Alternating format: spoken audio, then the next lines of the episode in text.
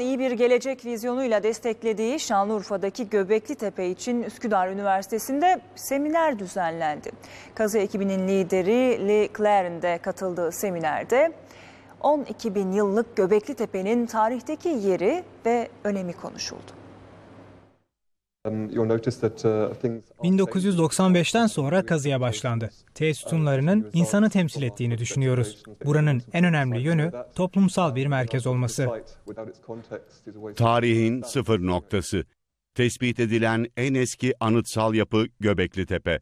İnsanoğlunun ilk yerleşim alanı ve kültürün başladığı yer olarak kabul ediliyor. Üsküdar Üniversitesi Tarih Yeniden Yazılıyor Göbekli Tepe Gerçeği isimli bir seminer düzenledi. Uzmanlar Göbekli Tepe'nin önemini anlattı. Tarihi genellikle 5-6 bin, 7 bin sene öncesine e, götürülüyordu. Ama buranın 12 bin senelik bir tarihi var. Göbekli Tepe'de bulunan tapınaklarda tarım toplumu dönemini gösteren çanak çömlek gibi eserler hiç yok. Bu e, böyle bir tapınakta ilk defa böyle bir durum ortaya çıkıyor. Bu nedenle Neolitik çağ olarak kabul ediliyor.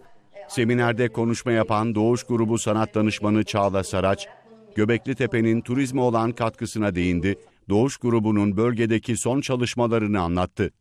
Şu anda ziyaretçi merkezi e, inşaatı tamamlandı ve Kültür ve Turizm Bakanlığı'na teslim edildi. Zaten son bir senedir de akın akın Göbekli Tepe'ye ziyaretçi gidiyor. Şanlıurfa turizmine, ekonomisine ciddi bir katkısı oldu Göbekli Tepe'nin ve Göbekli Tepe'deki tabii ki gelişmelerin.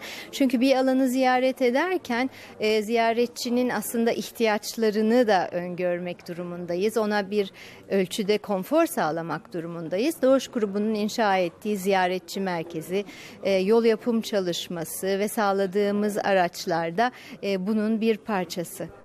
Doğuş grubunun doğuştan iyi bir gelecek vizyonuyla desteklediği Göbekli Tepe, UNESCO Dünya Mirası listesinde yer alıyor.